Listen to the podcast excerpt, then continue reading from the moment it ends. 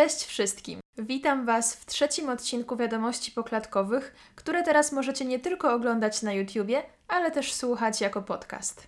Za chwilę wysłuchacie wiadomości o prawach zwierząt i diecie roślinnej z pierwszego kwartału 2020 roku.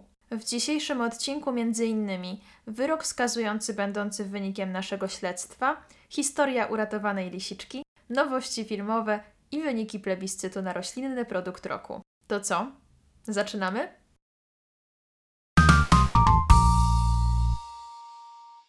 Na początek dobre wiadomości. Grupa Metro, czyli właściciel m.in. sieci supermarketów Makro, podpisała globalną deklarację o całkowitej rezygnacji ze sprzedaży jaj z chowu klatkowego. To jest naprawdę przełomowa decyzja, która zmieni życie kurniosek nie tylko w Polsce, ale aż w 26 krajach, między innymi w Rosji, Chinach czy Indiach. Gratulujemy dobrej decyzji. Mamy nadzieję, że kolejne sieci pójdą w Wasze ślady i posłuchają głosu konsumentów. Pamiętacie film ze śledztwa na fermie kurczaków, który opublikowaliśmy prawie dwa lata temu?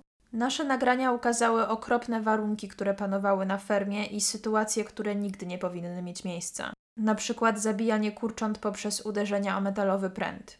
Sprawa trafiła do sądu, a teraz nareszcie usłyszeliśmy prawomocny wyrok. Pewnie wielu z Was uważa, że taki wyrok powinien być oczywisty. Niestety nadal walka o prawa zwierząt i o sprawiedliwość wobec osób krzywdzących zwierzęta, nawet z takimi dowodami, nie jest łatwa. Mamy nadzieję, że ta sprawa nie tylko pokaże, że krzywdzenie zwierząt powinno być karalne, ale też ukaże systemowe problemy związane z hodowlą kurczaków. Niestety nie tylko patologie są wpisane w przemysłową hodowlę zwierząt. Chów przemysłowy wiąże się również z licznymi chorobami. W przypadku kurczaków brojlerów, między innymi z chorobą zielonych mięśni, o której ostatnio zrobiło się głośno w mediach. Schorzenie to powstaje, gdy do mięśni piersiowych nie dopływa odpowiednio duża ilość krwi z tlenem. Powodem występowania choroby zielonych mięśni jest zbyt szybki przyrost mięśni piersiowych. Na fermach brojlerów kurczaki żyją zaledwie 6 tygodni a przybierają na wadze tak szybko, że gdyby ludzie rośli w tym tempie, to pięcioletnie dziecko ważyłoby 150 kg. Na stronie www.frankenkurczak.pl znajdziecie więcej informacji o hodowli brojlerów oraz petycję, dzięki której wspólnie możemy zmienić los kurczaków hodowanych na mięso. A teraz historia ze szczęśliwym zakończeniem. W lutym wspólnie z organizacją Viva przeprowadziliśmy interwencję w mini zoo w Giedlarowej, podczas której uratowaliśmy lisiczkę. Kira, bo tak została nazwana, przebywała w klatce od pięciu lat. Lisiczka została znaleziona w lesie i zabrana ze środowiska naturalnego do mini zoo jako szczenie. Zamknięta w ciasnej klatce nie miała kontaktu z innymi lisami.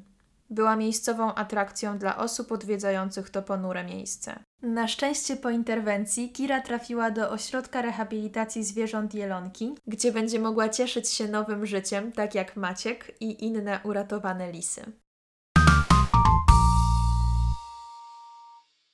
Interwencje takie jak ta nie byłyby możliwe, gdyby w życie wszedł projekt ustawy Lex Sahajko, ograniczający interwencyjne ratowanie zwierząt. Blisko 90% przeprowadzanych interwencji ratujących życie zwierząt domowych czy hodowlanych w Polsce to interwencje stowarzyszeń i fundacji ochrony zwierząt. Politycy stojący za projektem ustawy chcieli zabrać organizacjom możliwość odbioru maltretowanych zwierząt. Na szczęście po licznych protestach prace nad projektem ustawy zostały wstrzymane. Dziękujemy wszystkim, którzy przyłączyli się do tego sukcesu. To właśnie dzięki Wam w bardzo krótkim czasie pod petycją zebraliśmy aż 175 tysięcy podpisów. Liczby nie kłamią. Polska branża futrzarska jest w największym kryzysie od lat. Hodowle są zamykane, a marki modowe wycofują się ze sprzedaży futer. Dlaczego? Bo coraz więcej Polaków popiera wprowadzenie zakazu hodowli zwierząt na futra. Niestety wciąż jesteśmy trzecim największym producentem futer na świecie po Danii i Chinach. Oznacza to miliony zwierząt, które całe życie spędzają w klatkach i umierają w męczarniach, aby zaspokoić zachcianki świata mody. Jeśli chcecie dowiedzieć się więcej o tym, jak wyglądają standardy przemysłu futrzarskiego, zapraszamy na naszą stronę, gdzie znajdziecie najnowszy raport o dobrostanie lisów. Nie tylko w naszym kraju trwa dyskusja społeczna na temat wprowadzenia zakazu hodowli zwierząt na futra. Fińska organizacja działająca na rzecz zwierząt opublikowała niedawno wyniki śledztwa przeprowadzonego na fermach futrzarskich. Zgromadzone materiały pokazują, w jak okropnych warunkach przetrzymywane są zwierzęta.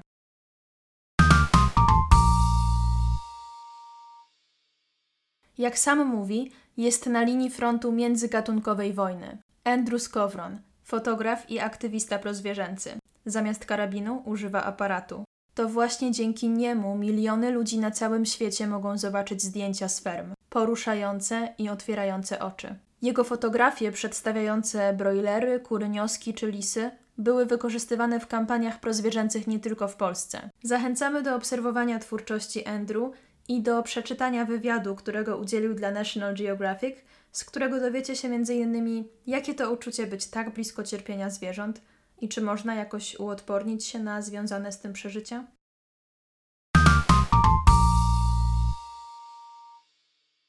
Pewnie wielu z Was słyszało już Oscarową przemowę Joaquina Phoenixa, ale nie możemy o niej nie wspomnieć. Aktor od wielu lat jest weganinem i aktywistą prozwierzęcym. W tym roku został nagrodzony zarówno Nagrodą Akademii, jak i Złotym Globem za tytułową rolę w filmie Joker. Swoje przemowy wykorzystał nie tylko do tego, żeby podziękować swoim kolegom i koleżankom z branży, ale przede wszystkim, żeby zwrócić uwagę na to, jak swoimi działaniami niszczymy planetę i krzywdzimy zwierzęta. Joaquin nie poprzestaje w swoich działaniach. Zaledwie dzień po rozdaniu Oscarów uratował krowę i cielaczka z rzeźni.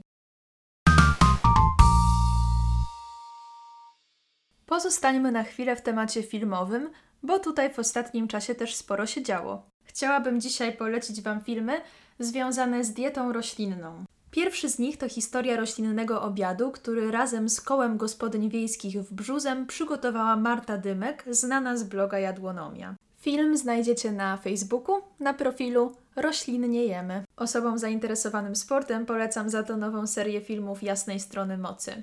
Poznacie dzięki nim osoby, które osiągają sukcesy w kulturystyce, ciężarach czy crossficie.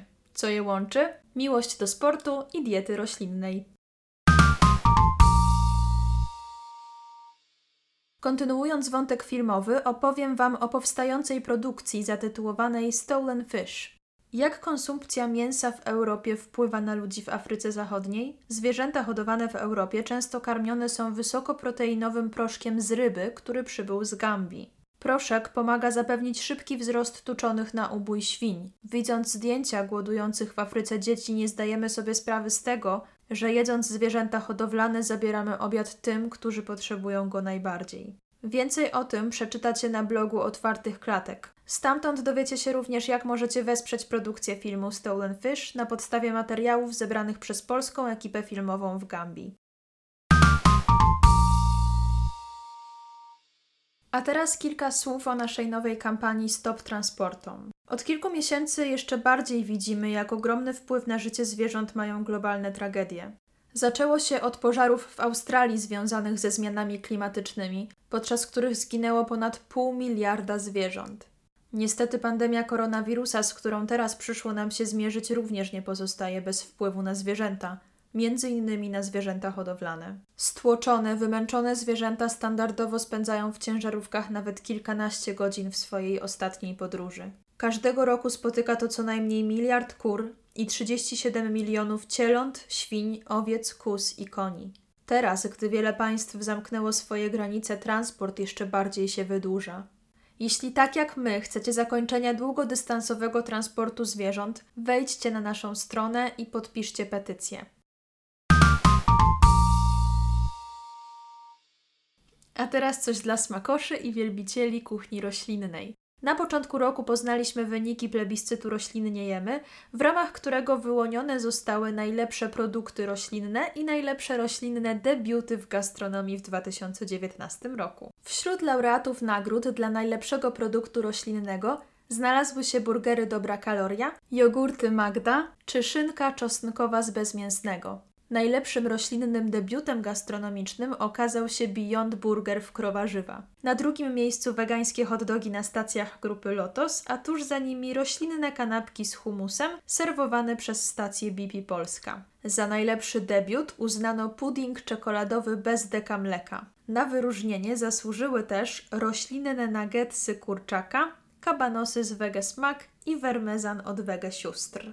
Jeśli będziecie mieli okazję, koniecznie spróbujcie tych pyszności i zobaczcie, czy zgadzacie się z wynikiem plebiscytu.